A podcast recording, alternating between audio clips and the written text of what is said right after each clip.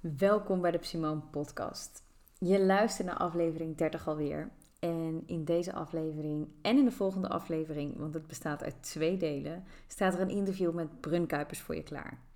Uh, Brun ken je misschien inmiddels via Instagram, via mijn profiel of via Zo Beval ik, uh, het platform van ons beiden. Um, maar je zou haar ook kunnen kennen van de boeken die ze heeft geschreven. Uh, de boeken Zo beval ik, die uitkwam in 2018, en het boek Ik beval in vertrouwen, die begin dit jaar is uitgekomen. Zelf las ik haar eerste boek, Zo beval ik, ruim een jaar geleden.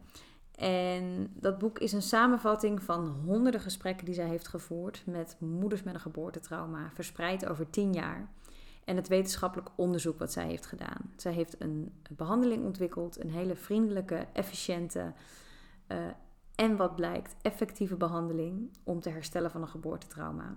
Zij heeft hiervoor ook een opleiding ontwikkeld en heeft inmiddels een team van zo'n 50 geboortetraumaconsulenten en therapeuten verspreid over heel Nederland. En momenteel ligt de focus op de preventie van geboortetrauma's. Daarvoor start in september een opleiding uh, voor geboortetrauma preventiecoach. Voor als je moeders wilt helpen een geboortetrauma te voorkomen, dan zou ik zeker eens kijken naar die opleiding. Um, en het boek Ik beval in vertrouwen is daar geheel op gericht. En de focus voor nu is om ook deze behandeling weer wetenschappelijk te gaan onderzoeken. In deze aflevering, afleveringen deelt Brun haar eigen persoonlijke verhaal, haar eigen persoonlijke reis. Ik zou zeggen, laat je inspireren. Pak pen en papier erbij, want ze deelt heel veel kennis en heel veel inzichten. Ik wens je heel veel luisterplezier. Hi, mijn naam is Simone Scherpenzeel en ik ben psycholoog en newborn momcoach. Met mijn bedrijf Simone help en inspireer ik zwangere vrouwen en kerstverse moeders bij het vinden van meer rust en vertrouwen. Zodat die intense periode van het moeder worden ook vooral een periode kan zijn van blijdschap en genieten. Mijn intentie met deze podcast is zorgen voor meer bekendheid en erkenning van alles wat erbij kan komen kijken. Van prille zwangerschap tot en met het eerste jaar na de geboorte. Van je in en in gelukkig voelen tot heftige, zware emoties. Ik hoop je te inspireren en handvatten te geven, zo dicht mogelijk bij jezelf te blijven in deze bijzondere ontwikkeling die je doormaakt. Ik wens je heel veel luisterplezier.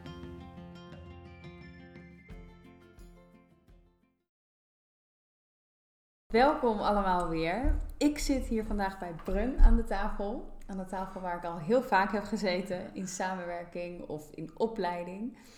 En vandaag gaat Brun zelf haar verhaal doen. Ik ga Brun vooral het woord geven vandaag. En ze gaat ons meenemen in eigenlijk haar reis naar, um, vanuit haar werk als verpleegkundige naar het schrijven van het boek Zo beval ik. Alles wat ertussenin zat, het onderzoek, het ontwikkelen. Haar eigen verhaal zal daarin terugkomen. En uh, Brun zit hier tegenover me met haar bril op en haar aantekeningen klaar om ons helemaal mee te nemen. Zoals Brun dat waarschijnlijk heel goed zelf kan in haar verhaal. En um, ja, ik ga vooral het woord aan jou geven. Ja, superleuk. Ik dacht wel misschien om te beginnen met de vraag um, wat de reden was dat je ja zei op dit interview. Nou, ik denk vooral door onze interacties. Je hebt het al zo vaak gezegd van god, het is zo leuk hoe je erover vertelt. Ja. En je kan er zoveel over zeggen. Uh, dan duik je die hoek in, dan duik je die hoek in. En um, ik denk dat het voor jou niet alleen leuk was om er naar te luisteren, maar ik merk natuurlijk zelf ook dat je op een punt komt dat het heel fijn is om terug te kijken en een soort lijn te ervaren van goh ja, achteraf is het zo gek niet dat het zo gelopen is.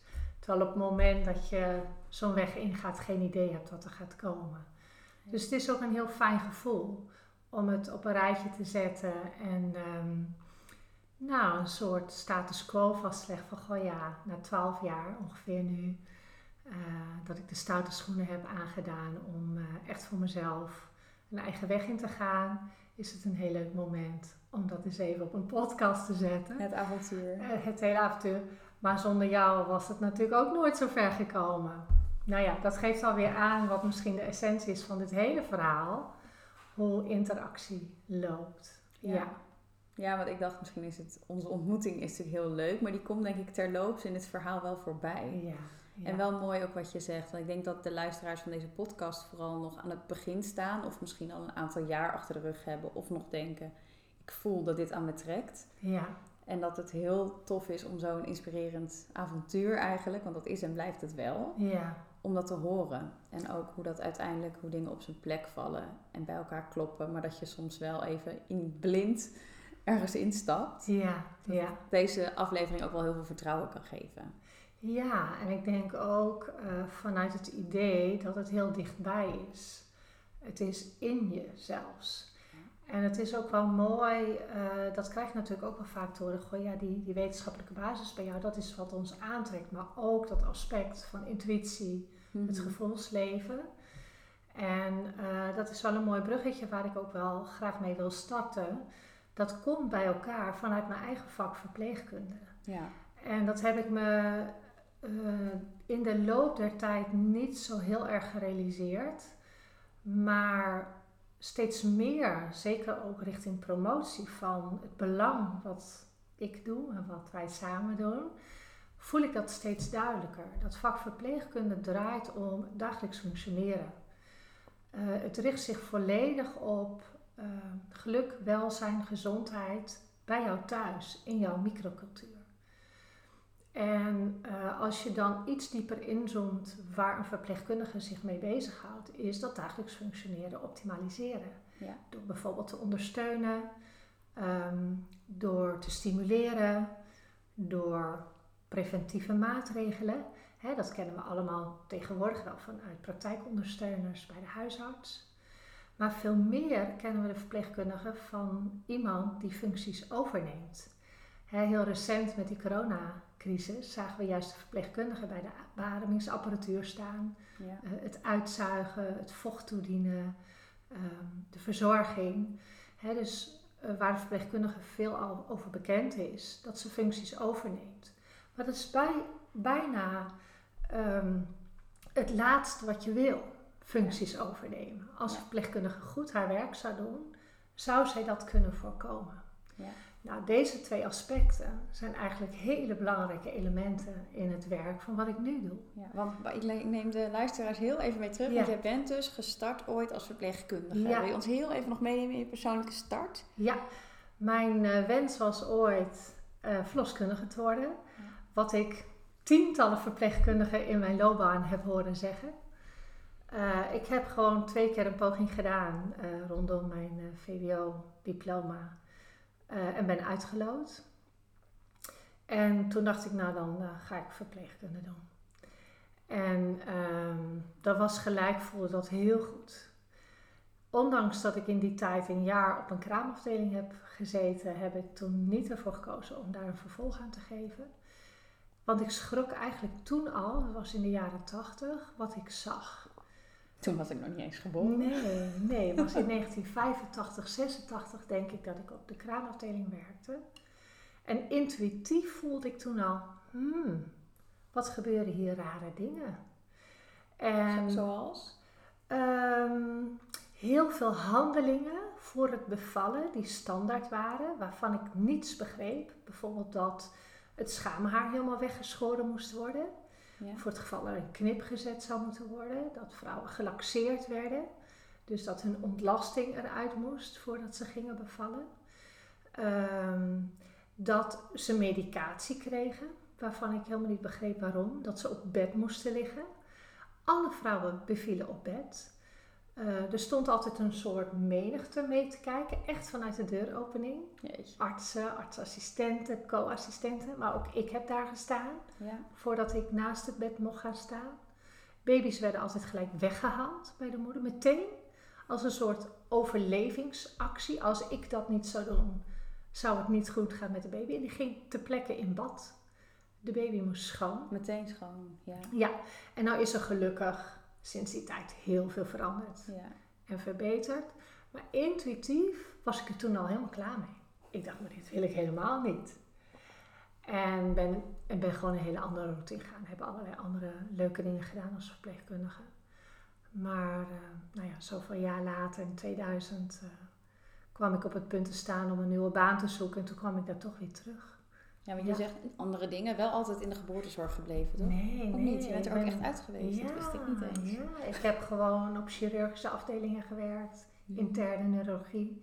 Heel lang op een endoscopieafdeling. Daar waar het maag-darmkanaal onderzocht en behandeld wordt met scopen. Mm. Hele fijne tijd gehad. Allemaal verpleegkundig werk. Ja. Maar binnen Heel veel geleerd over het hele lichaam. Ja, Ja. Ik, ik ken het hele lichaam. Ja. Van binnen en van buiten. Ja. Ja, nee, dus ik ben pas in 2000 eh, teruggekomen Mm. eh, in de verloskundige zorg. En ben toen in Arnhem gaan werken. En dat is eh, ja, een soort nieuwe kennismaking geweest voor mij. En ook heb ik de verschillen wel opgemerkt in al die jaren. En heb er met heel veel plezier gewerkt. Maar goed, er kwam toch een moment, en dat gaat heel traag en bijna onopgemerkt, dat ik ook hetzelfde gevoel weer kreeg als toen in mijn opleidingsziekenhuis. Van hé, hey, er zijn er veel vrouwen ontevreden, ze liggen nog steeds in bed, Ja. meer dan ooit. We scheren niet meer, we laxeren niet meer, maar we doen heel veel andere dingen waarvan ik niet goed begreep waarop dat gebaseerd was. En als je dan terugkijkt naar dat overnemen van functies, hè, dat is eigenlijk het laatste wat je als verpleegkundige doet. Wat natuurlijk moet als iemand echt niks meer kan, Ja. was eh, dat wat er veel al gebeurde. We namen bijna alle functies over van moeders Ja. die gewoon kwamen bevallen. Hè? Ja, want dan Dus- heb je dat nog steeds over rond 2000. Ja, tot 2009 en ik heb uiteindelijk tot 2014 op verloskundeafdelingen gewerkt. En dat gebeurt vandaag nog steeds. Ja.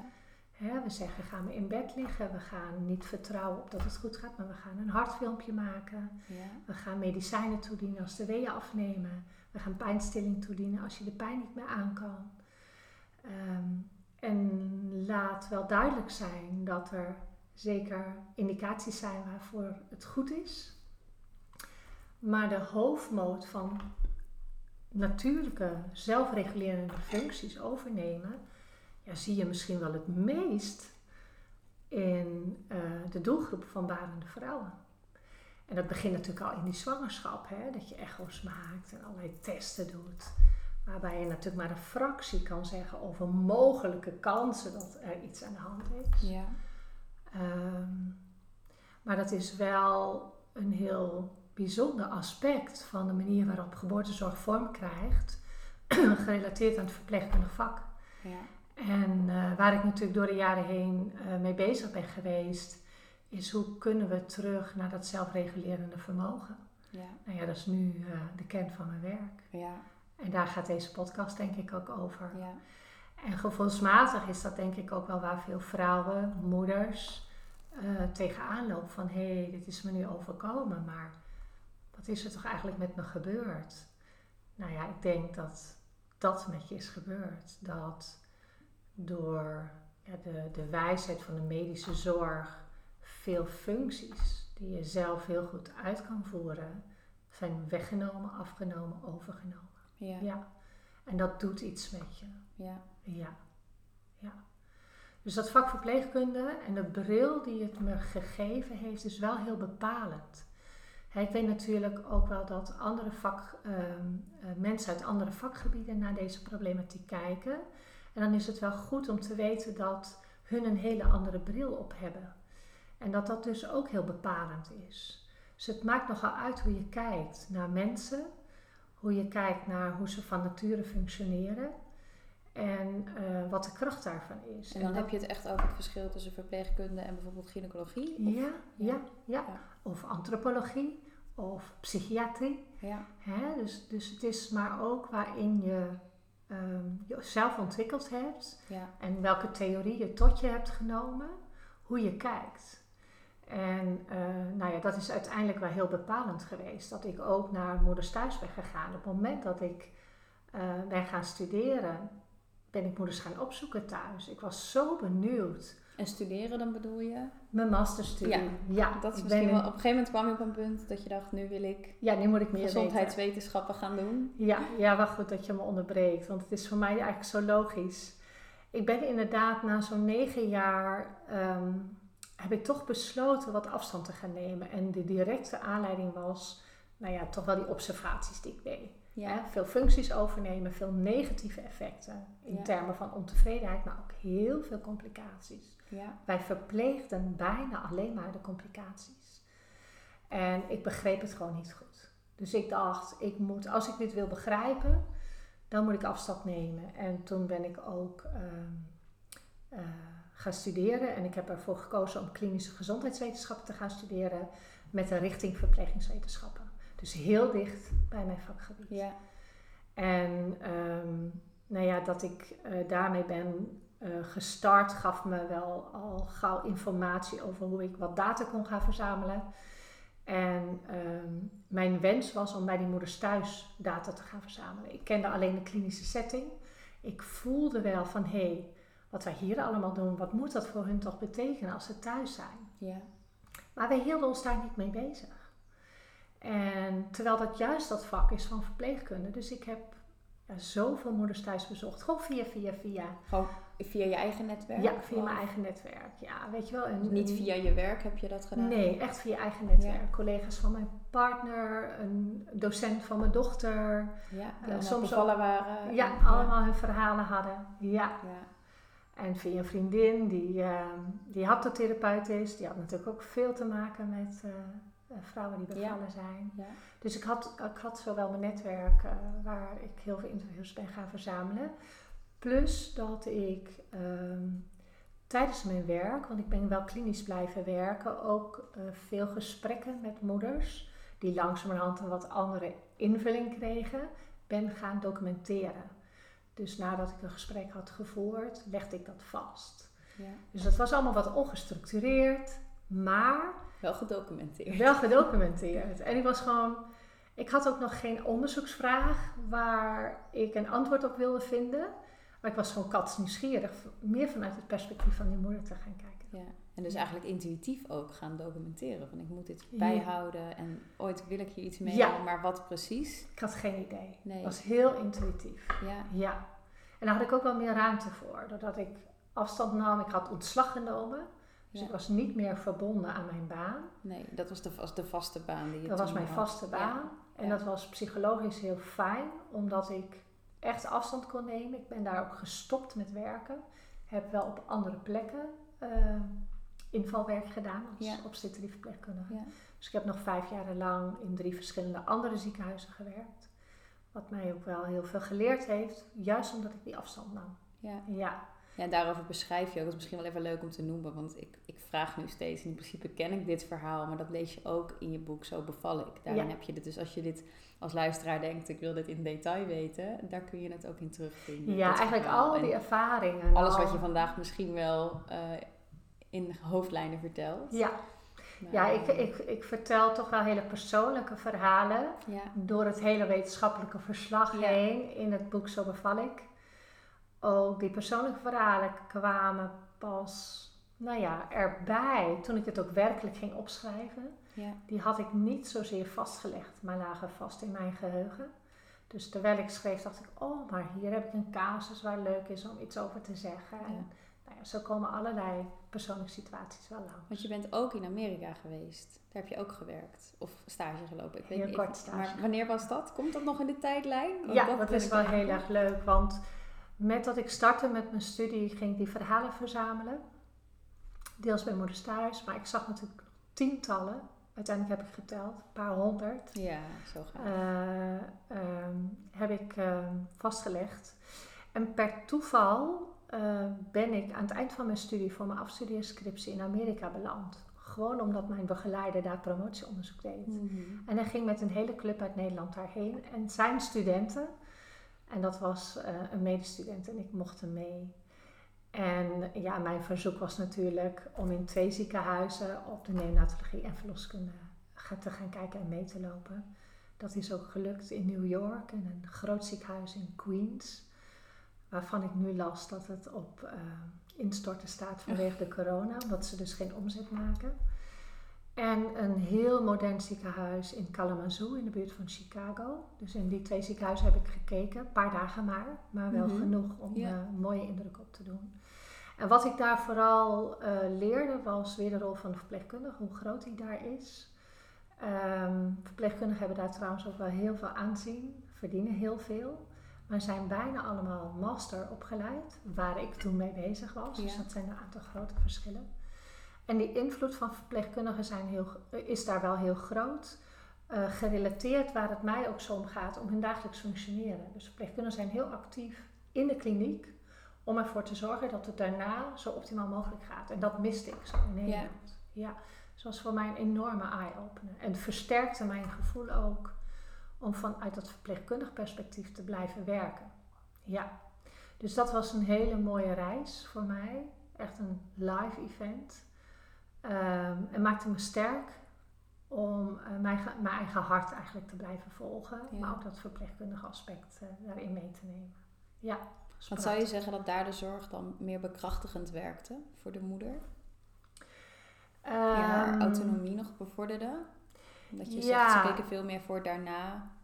Ja, ik denk dat het een paar eh, elementen heeft. De autonomie van verpleegkundigen is groter. Dus zij kunnen meer eh, sturend werken van hun eigen vakgebied. Dat was heel opvallend. Ze doen veel onderzoek.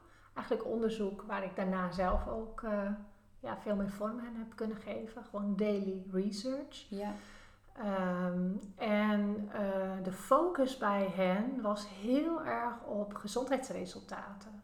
Weer in termen van minder complicaties en meer tevredenheid. Dus het, ik leerde ook wel de taal daarbij te spreken. Ik dacht, oh ja, maar daar gaat het om.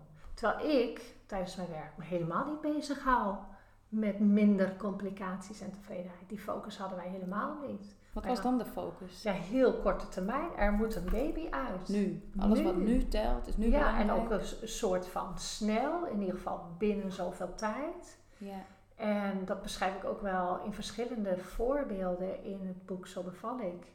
En in het bijzonder, ergens in het midden zit het boek over het geboortebed, dat die vaart die wij vanuit de wetenschap zeggen nodig te hebben, die wordt opeens helemaal losgelaten als een moeder aan de pijnstilling ligt. Want dan maakt het helemaal niet meer uit hoe lang het duurt. Dus dat zijn hele tegenstrijdige Ja. ehm, situaties waar je mee Ja. te maken krijgt. Ja. Niet alleen als zorgverlener, maar ook als moeder. En ehm, toen besefte ik pas van, hé, de focus op gezondheidsresultaten, die heb ik helemaal niet in mijn dagelijks werk. Daar houdt volgens mij helemaal niemand zich heel erg mee bezig. nee, het is meer, de baby is er, het is gezond, zie je, Ja, alles is weer ja. goed. Ja, de APCA-score is oké, de Ja. eerste test is oké, de, de, de reflexen zijn oké, we zien geen nare dingen en dan zal het wel goed zijn. dat is ook misschien wel de algemene opvatting die nog steeds wel eens heerst. Het is volgens mij wel aan het veranderen, gelukkig, dankzij bewustwording. Maar dat ze zeggen, ja, maar je baby is gezond. Ook al was het een heftige bevalling, maar je baby is toch Ja. gezond? Ja, Dan ja. gaat het toch weer goed? Ja, dat is ook wel wat moeders heel erg voelen van ja, maar het voelt anders. Ja, En ehm, los van deze maatschappelijke kijk hè, op geboorte, ehm, denk ik ook wel dat moeders aanvoelen dat er veel meer is, maar het ook niet goed kunnen duiden. En ehm, zich alsnog niet gezien voelen. Dus, dus wat eigenlijk door jouw reactie nu besef ik dat de manier waarop wij naar moeders kijken die aan het baren zijn, eigenlijk door de moeders zelf ook als het ware in hun eigen ideeënsysteem wordt opgenomen. En ook in de maatschappij, waar er dus een soort ja, blokkade is over de essentie van geboorte, de diepe betekenis daarvan. ja, Ja, dus het, het oppervlakkige, bijna mechanisme van geboorte kijken, ja, doet heel veel op, op de gezondheid van moeders. ja, In, in meetbare uitkomsten, maar ook in de hele diepere lagen. ja. Ja. En daarbij kwam ik er door de jaren later ook wel achter van, hé, hey, wij snappen helemaal niet hoe essentieel een geboorteervaring is. Nee. Maar dat is voor straks. Ja. Ja, dus eh, ja, al, al die ervaringen hebben mij, mij wel geholpen het te leren begrijpen. Ik denk dat dat nog echt een stadium was hè, tussen 2009 en 2012 tijdens mijn studie het echt leren begrijpen. En de focus tijdens mijn studie lag heel erg op in wat voor systeem zit ik eigenlijk? En toen ben ik ook wel dat geboortesysteem verder gaan bestuderen. Ja. En vooral antropologische boeken daarop nageslagen. Ja, en toen kreeg ik wel ehm, een beter besef over hoe sturend het is. Hoe het door richtlijnen wordt bepaald. Hoe alle moeders op dezelfde manier behandeld worden. Ja. Hoe protocollen geen aansluiting hebben bij de behoeftes van moeders. Ik heb dat ook wel echt aan der lijve ondervonden. Maar het is wat bijna wereldwijd eh, beschreven is door vele studies. Uh, de meeste antropologische studies die ik daarop heb nageslagen. En ook zo herkenbaar. Maar hoe was dat voor jou om dat, dat, zeg maar, daarmee geconfronteerd te worden? Want je hebt zelf in die wereld gewerkt. En wij hebben daar natuurlijk wel vaker gesprekken over gehad. Ja. Ik weet dat wel. Maar dat is denk ik wel heel mooi ook om te delen. Van, je werkt eigenlijk zo lang in die wereld. Ja, toen nog. Hè, nog en toen nog. Ja, Ja. En, en je ziet dat dan toch ook gebeuren. Ja. Ik denk ook dat er nu ook, weet je, ook mensen luisteren die in die wereld werken. Ja. En soms ook het gevoel kunnen hebben, ja, maar ik, ik doe ook mijn werk. En, en het wordt soms ook wel weer heel negatief neergezet. Mhm. Maar er is ook altijd wel een goede intentie. Men Ja. doet het vanuit het idee dat het goed is. Ja. Hoe, hoe heb jij dat toen allemaal ervaren? Ook met terugwerkende kracht, maar ook toen je er misschien nog middenin werkte. Ja, toen ik er nog middenin werkte, was ik me daar heel bewust van dat ik ehm, moest leren twee dingen te scheiden. Die directe patiëntenzorg, nou daar ging ik helemaal in op. Wat ik nu nog steeds doe rondom de zorg bij Ja. moeders. Dat, dat kon, kon ik ook goed. Dan vergeet ik de wereld en ben ik daar. Eh, dus dat, dat lukte heel goed. En het andere aspect is dat ik niet meer teamlid per se hoefde te zijn. Niet meer allerlei dingen hoefde te bereiken daar. Maar veel meer als onderzoeker ben gaan kijken. Ja. En ik kreeg dus heel veel input doordat ik zoveel las en goede artikelen kon vinden over hoe ik kon kijken. En dat was eigenlijk een hele interessante tijd. Het gaf natuurlijk inwendig wel eens lastige momenten dat ik dacht, nu is dit het be- beste voor de moeder. Terwijl de arts of de verloskundige of mijn collega die ernaast stond iets anders wilde. Hoe ging je daarmee om? Ik heb eh, veelal anders geacteerd dan voor mijn studie en voor al deze inzichten. Dus ik kon het beter opnemen, had meer alternatieven. ehm, eh, droeg denk ik wel bij aan, aan behoeftes van moeders, beter nog dan daarvoor. Maar heel vaak is het me ook niet gelukt om dat echt waar te maken. Heb je een voorbeeld? Ja, voorbeeld is eh, dat een moeder rechtop wil baren. Mhm.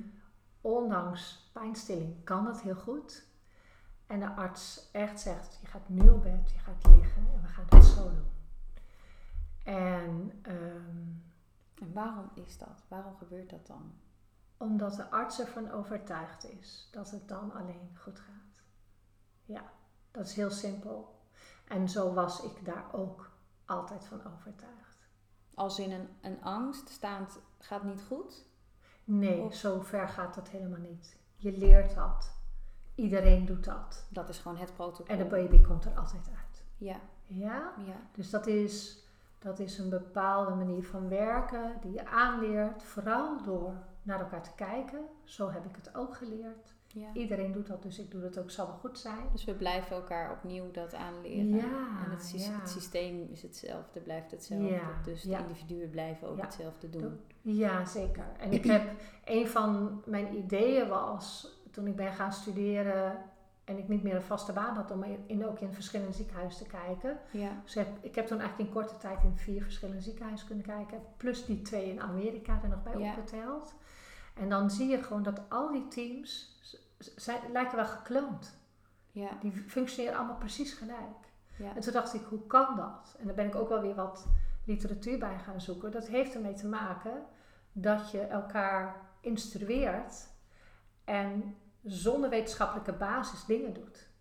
Dat is gewoon zoals het werkt. ja. Ja, zo doen wij dat. En er worden de meest rare dingen gezegd, omdat iedereen dat zegt. ja. Ja, dat het niet uitmaakt dat je bijvoorbeeld Syntocinon per infuus eh, in je lichaam krijgt om te bevallen. Dat dat hetzelfde is als dat je het niet krijgt. Oh ja. Dat is, dat is natuurlijk echt niet waar. Maar als iedereen dat zo vertelt. En Centesinon, even in mijn... Ja, de Syntocinon Mijn is de, leken, de, eh, zijn de weeënmakers, hè? De, Oh ja, de, de, de synthetische weeënopwekkers. Ja, Wat een totaal andere stof is dan je eigen oxytocine. Ja. Ja, dus ehm, er, er is een cultuur waarbij we doen zoals iedereen doet. En dat wordt ook wel ondersteund door de protocollen en de richtlijnen. ja. Ja, dus je bent ervan overtuigd dat je het goed doet. En er is niet heel veel, bijna nauwelijks iets wat je daar vragen over doet stellen. Misschien ook wel de sociale druk. Of de, de, de, Ja. de, de angst van ja, als ik afwijk, dan wijk ik af van een protocol. Dan... Ja, ja, ik denk dat er dus in de basis weinig mensen afwijken. Anders Ja. kan je daar niet functioneren. En dat heb jij wel gedaan. En uiteindelijk ging ik te veel afwijken. En dat leidde ook echt tot conflicten. Dat ik het voor een moeder opnam. Een heel mooi voorbeeld wat ik ook in het boek beschrijf. Een moeder die een keizersnede had gehad, was prachtig verlopen. En haar kind ging mooi in de borst. was echt allemaal prachtig. En opeens moest, moest het antibiotica. En dat was besproken De omdat er de baby, ja, omdat het eh, tijdens de zwangerschap was er iets gezien bij de nieren en dan is er een protocol wat gaande is. Dat postpartum na de bevalling de baby eigenlijk zo snel mogelijk met antibiotica begint. En de moeder had heel goed afgesproken dat gaan we dan doen met iets wat het in de mond gestopt krijgt. Dus dan kan ik dat ook zelf doen. En op het moment dat we dit gaan inzetten, bedenkt een andere kinderarts dat het per infuus moet. En in dat ziekenhuis betekende dat het kind niet bij de moeder moest, mocht blijven, maar naar de kinderafdeling moest. Ja. Terwijl ik in andere ziekenhuis gewend was dat ik dat gewoon regel. Bij de moeder. Dat de met moeder de dat gewoon zelf kan. Ja, ik kan gewoon die antibiotica per infuus aan de baby geven. Ja, Ik heb even iemand nodig die dat infuus plaatst. Ehm, dus ja, daar heb ik wat eh, namens de moeder eh, ben ik voor haar opgekomen en gevraagd. Ja, de moeder wil echt niet gescheiden worden van haar kind. En Nee. ik kan dat doen en ik zoek wel een verpleegkundige die het straks van mij overneemt.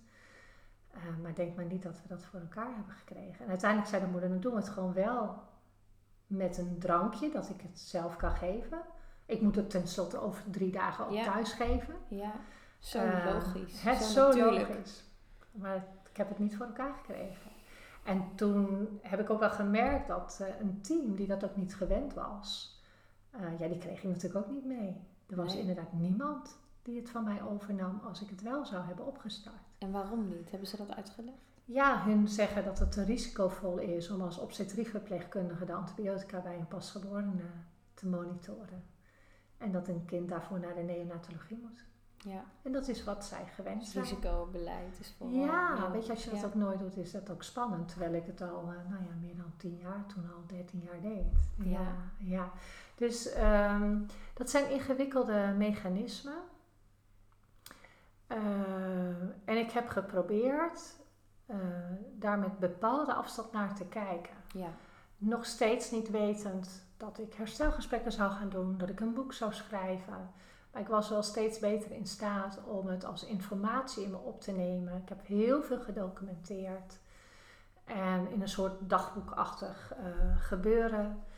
En ehm, want ik zit even Ja. voordat we naar dat onderwerp gaan, misschien wel. Want ik kan me voorstellen dat, dat mensen nu ook luisteren die dit op dit moment ervaren. Dus in de zorg werken, dan wel als obstetrieverpleegkundige, als verloskundige, wat dan Ja. ook. Of misschien zelfs wel gynaecologen die denken, ja, ik doe wel wat ik doe, maar ik zie eigenlijk ook dat ik het anders zou willen.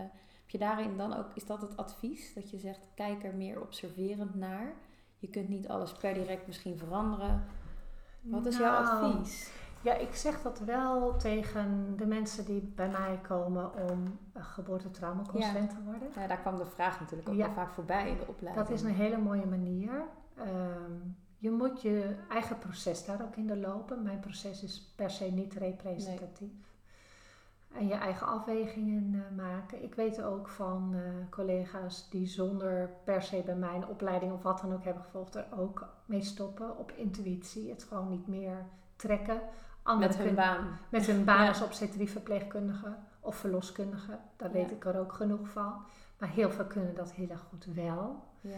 Uh, dus dat is wel heel persoonlijk. En vergeet niet, ik belicht nu een bepaald aspect van de geboortezorg die heel veel invloed blijkt te hebben op de gezondheid van moeders.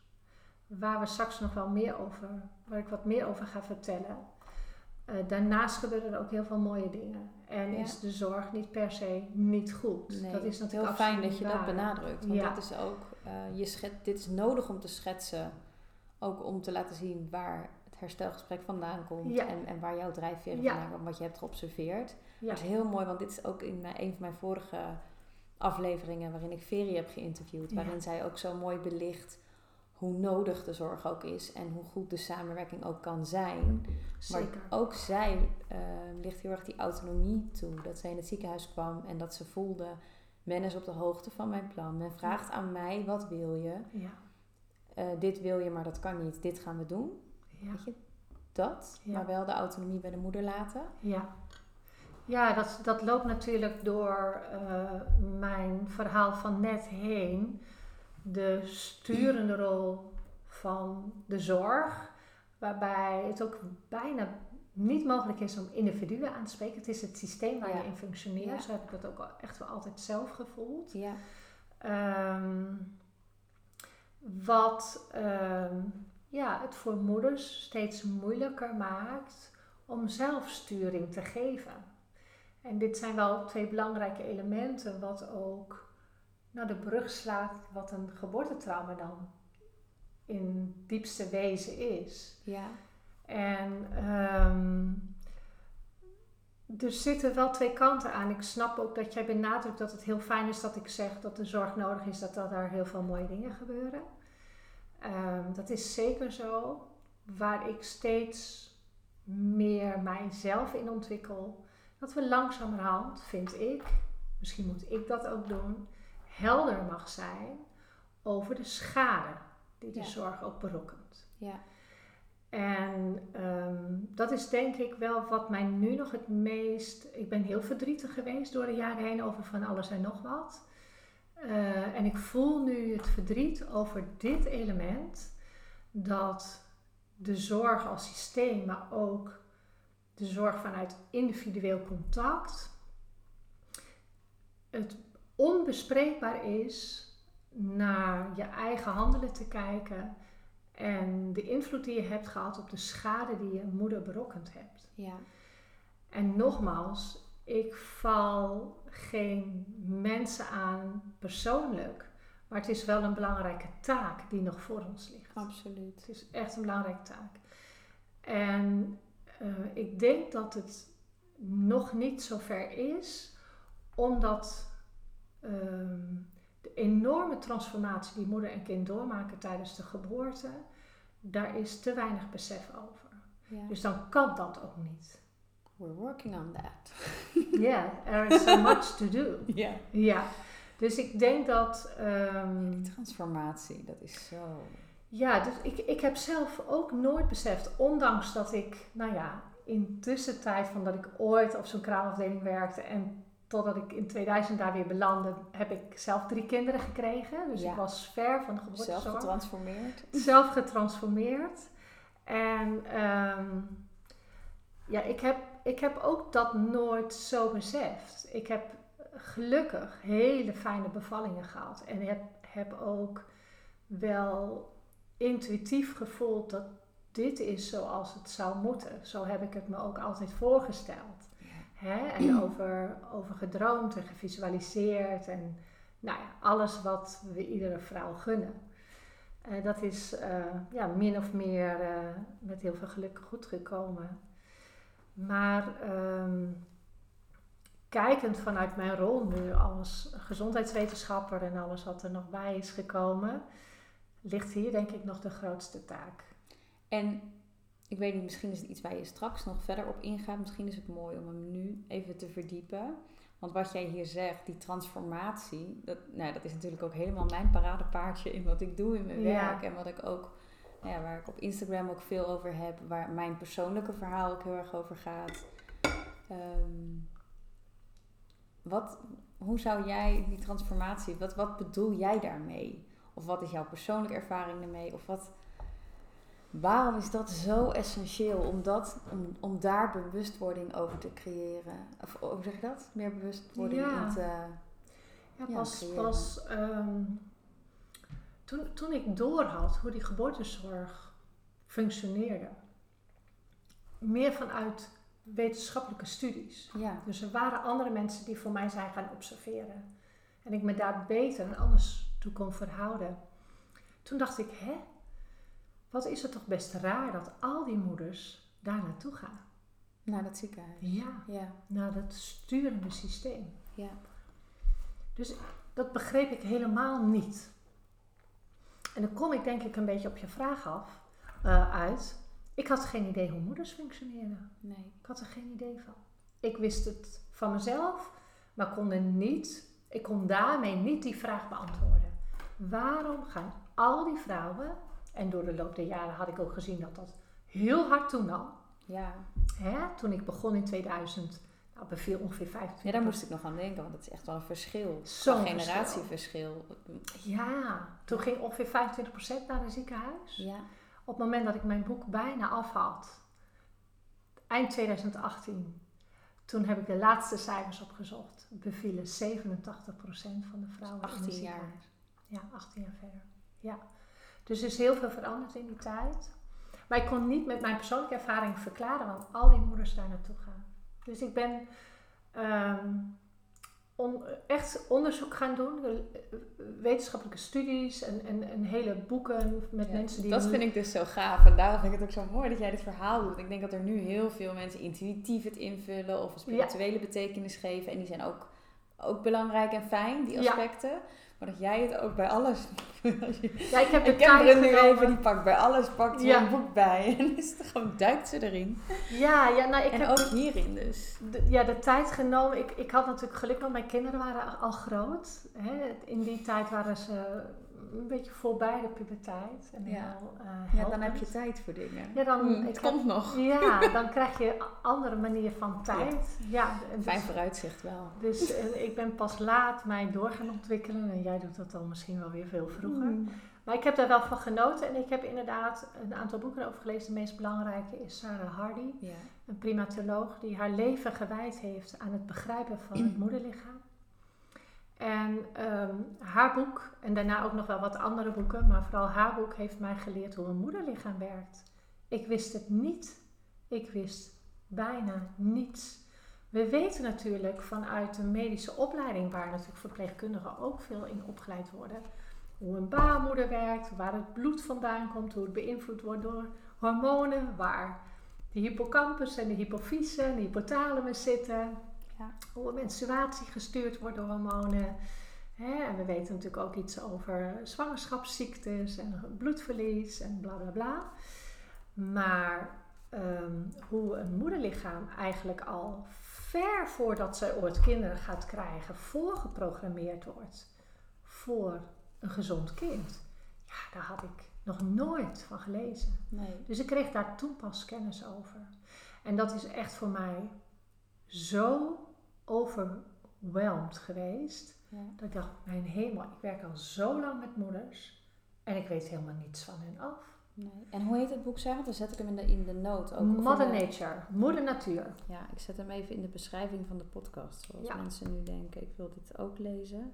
En Sarah Hardy. Sarah Ja, Hardy, Ja, je, ja. je verwijst er ook veel naar Ja. in, in Zo beval ik. Ja, en Hardy is zonder A. Oh. H-R-D. Oh, Hardy. Oh ja. H-R-D-Y. Ja, dat was het. Een hele korte gekke De naam. eerste keer dat ik dat las, dacht ik, er is een letter vergeten. Nee, Maar, zo is het echt. Zij is al lang eh, eh, met pensioen. Eh, maar dat was een, een mooi boek. En het- de essentie van het boek, en dan kom ik weer bij jouw vraag terecht, zijn twee, denk ik, twee belangrijke dingen. Eén is dat het moederlichaam dus al ver voordat ze ooit moeder gaat worden, zich voorbereidt op gezonde kinderen. Bijvoorbeeld door veel meer potentiële eicellen aan te maken dan dat er ooit vrij gaan komen. De beste eicellen komen TZT vrij.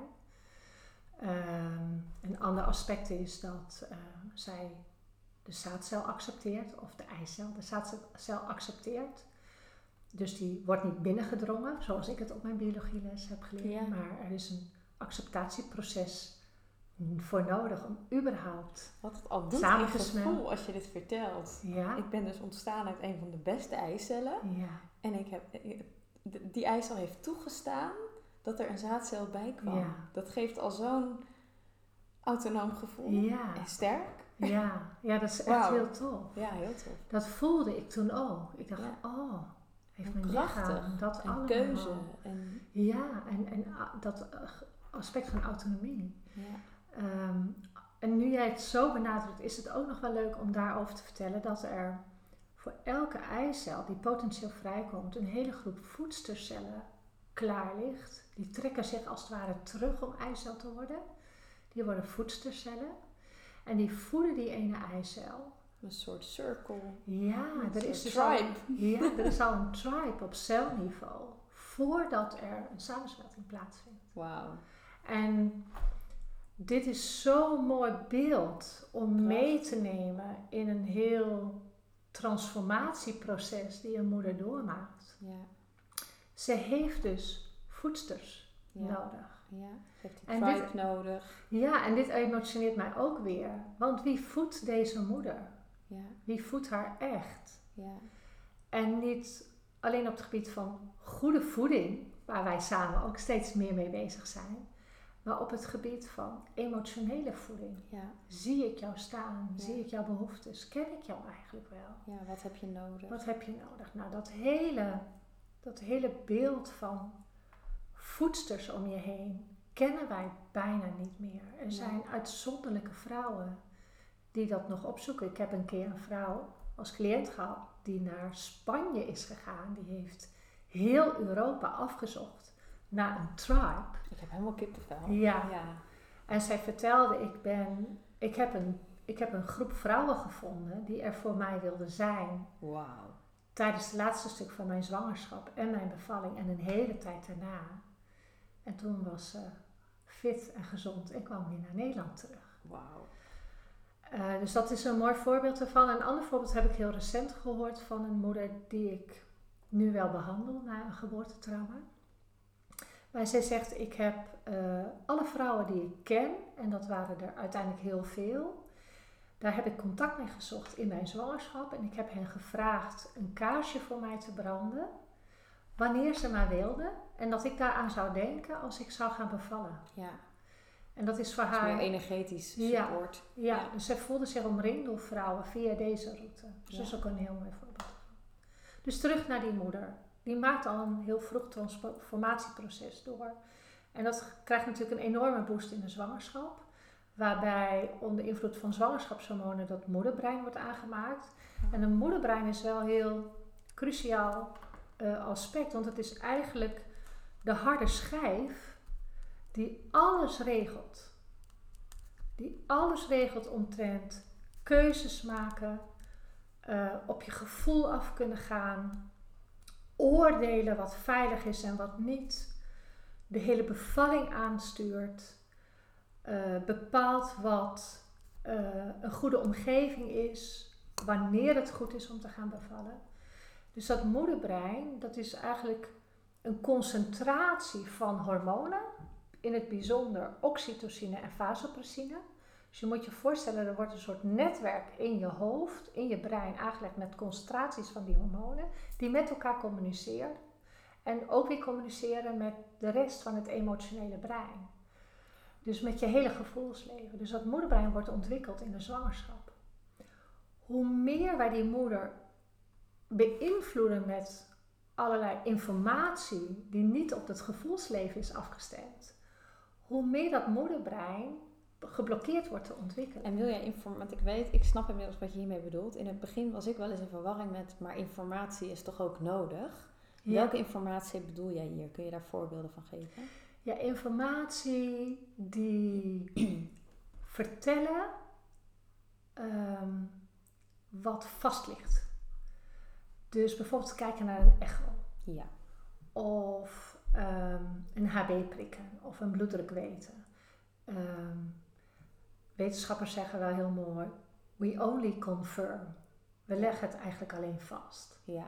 Dat is eigenlijk informatie Ja. die ik bedoel. Ja. Die dus niet afgestemd is op dat gevoelsleven. Dus dat soort vormen van informatie blokkeert eigenlijk die ontwikkeling van het moederbrein. Ja. En ehm, daarmee, dat wetende en kijkend naar hoe wij zorg geven, Het is we only confirm. Ja, Ja? ja. Eh, dus dat is, eh, dat is mooi in die transformatie van moederschap. Die zwangerschap heeft dus eigenlijk iets anders nodig om dat moederbrein nog verder op te optimaliseren in, een, in haar functioneren. En ehm, niet onbelangrijk is dat uiteindelijk als ze gaat bevallen en de periode daarna, alles wat ze ervaart, bepaalt haar gezondheid nadien. Ja. Dus als dat positief is, geeft het haar gezondheid een enorme boost. Maar alles wat niet positief is, schaadt haar. Ja. Dus dat is die transformatie die zo super belangrijk is. Dat het goed verloopt en dat de moeder ja, heel veel happy moments ervaart. Ja. En dat zit hem in hele kleine dingen. En dat kan ook best gepaard gaan met gegevens vanuit de geboortezorg.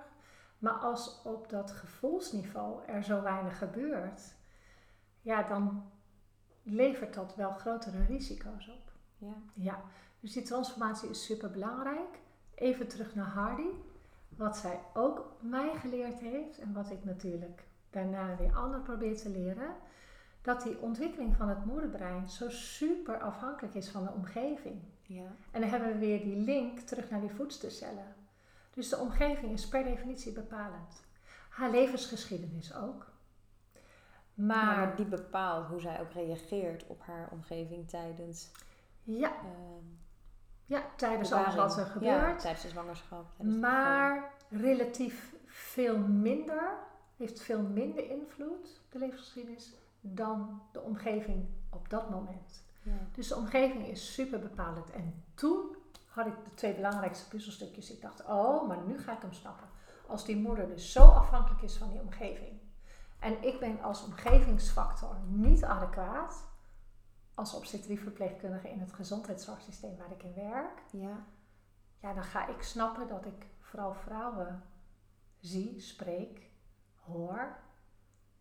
Die issues hebben na de bevalling. Ja. Ja, dus deze twee elementen zijn super belangrijk. En Hardy heeft me eigenlijk die puzzelstukken gegeven. Prachtig. Ja, dus dat is wel heel belangrijk. Dus we moeten die moeders te pakken krijgen Ja. en dat moederbrein optimaal stimuleren. Ja, want hoe ziet dan een. Ik, even als advocaat van de duivels, want dat dingen die jij noemt net, weet je, zoals het maken van een echo, alle informatie die je dus krijgt in je zwangerschap, die eigenlijk de ontwikkeling van het moederbrein eh, blokkeert, of in ieder geval niet optimaliseert. Ehm, hoe, hoe verloopt dan idealiter, volgens deze theorie, volgens de- deze zienswijze, een zwangerschap en een bevalling? Is dat totaal hands-off? Ja. Geen controles? Geen... Ja, het is, Hoe zie jij dat? het is wel moeilijk eh, daar iets over te zeggen. Maar ik denk Mhm. dat het handigste is dat ik toch de dingen die ik nu ga zeggen baseer op wetenschappelijk onderzoek. Ja. Kijk, ik kan natuurlijk kijken naar de vrouwen nu en mijn moeder. Ja. Dat, dat, Ja. Maar dat is natuurlijk één case, mijn moeder. Maar Ja. ik denk dat mijn moeder wel representatief is voor een case. Misschien een generatie voor mij, maar misschien zelfs ook wel mijn generatie. Ja. Zij is zeven keer bevallen, is bij de huisarts geweest om haar zwangerschap te bevestigen. Ja. En de huisarts kwam om de bevalling te doen. Ja, er waren geen echo's. Niets. Niets. En zij zeven keer vlot. Ja, ik Thuis, mijn moeder, maar dat, dat is jouw generatie. Dat is mijn generatie, ja. dat, die, die, die zei dat ook de eerste. Maar ik heb dan natuurlijk drie broertjes. Volgens mij bij mij en mijn oudste broertje ook ja, misschien één echo. Of nadat ze een keer een miskraam had gehad, dan kwam er een echo. Ja. Dus dat is nog steeds representatief. Ja, want ik, ben, eh, ik heb ooit een echo gehad bij onze oudste. Dat was een mannelijke verloskundige in Capelle aan de IJssel. En die was de eerste die een echo had. Voor zover wij toen wisten. Ja, En die vond het erg leuk om echo's te maken. ja omdat dat zo nieuw was. Ja, En- hij oefende daar graag. Dus zij vroeg, mag ik een echo maken? Ik denk toen rond ik 12 weken zwangerschap Ja. was, want eerder kwam je ook niet bij een verloskundige. Dus ik heb een echo van onze oudste dochter. Daarna heb ik ook nooit echo's laten maken. Ik was daar toen wel bewust van. Ik dacht, als, ik dat, als me dat weer gevraagd wordt, wil ik dat niet. Nee. Dat heb ik helemaal niet nodig. Nee. Maar goed, dat is. Ook helemaal niet nodig. En wat natuurlijk wel mooi is, om daar ook wel wat betekenis aan te geven. Ehm, waarom het niet nodig is, is dat de basis van moederschap en de hele transformatie die je doormaakt, is vertrouwen hebben. Vertrouwen in je lichaam. Dat is eigenlijk de basis van gezondheid. Ja. En uh, vertrouwen uh, heeft alles te maken met zelfregulatie. Dat je dus zelf in alles hoe je wil functioneren het regelt. Dat is je hele opvoeding, je hele voorgeschiedenis uh, voor nodig geweest om uiteindelijk zelfregulerend te zijn. Ja. En die ontwikkeling, ook als baby, als pasgeborene, als jong kind, gaat om vertrouwen. Dus kenmerkend daaraan is dat we een beetje vergeten hoe belangrijk dat aspect is. Juist voor het belangrijkste moment van je leven, namelijk dat je of zelf geboren wordt of je baby geboorte geeft. Ja. ja. En dat is ook de behoefte die je nu bij zoveel vrouwen ziet Ja. en voelt. Dat geef me als je, hoe kan ik weer vertrouwen voelen, Ja. weer rust voelen, weer Ja. bij mezelf zijn, die connectie weer voelen. Ja. ja, het gaat in die zin ook om verbinding, om communicatie in je lichaam, om het gesprek, wat gewoon ge- een chemisch eh, mechanisme is, om dat gesprek Ja. aan te gaan. Ja, dat gaat echt terug naar celniveau. Ja, en molecuulniveau Ja. en, en, en stofjes. En misschien, want als ik naar de klok kijk, we zitten alweer een uur te kletsen. En dat hadden we al een beetje ingecalculeerd dat het misschien wel in twee delen zou gaan. Nou, dat gaan we doen om hem voor nu af te ronden. Ja. En dan in deel 2 in te gaan op, ja, en hoe, hoe kun je dan herstellen van zoiets. Maar wat is ook belangrijk in preventie? Ja. En, en wat kunnen moeders zelf doen? Wat kunnen hulpverleners doen? Om daar in deel 2 op in te gaan. Ja, lijkt me goed. En dan starten we even met wat geboortetrauma precies is. Ja, prachtig. Nou, lieve luisteraars, stay tuned. En in de volgende aflevering gaat Brun daar dus eh, ons meer over vertellen. Dankjewel voor het luisteren nu en eh, tot de volgende keer. Música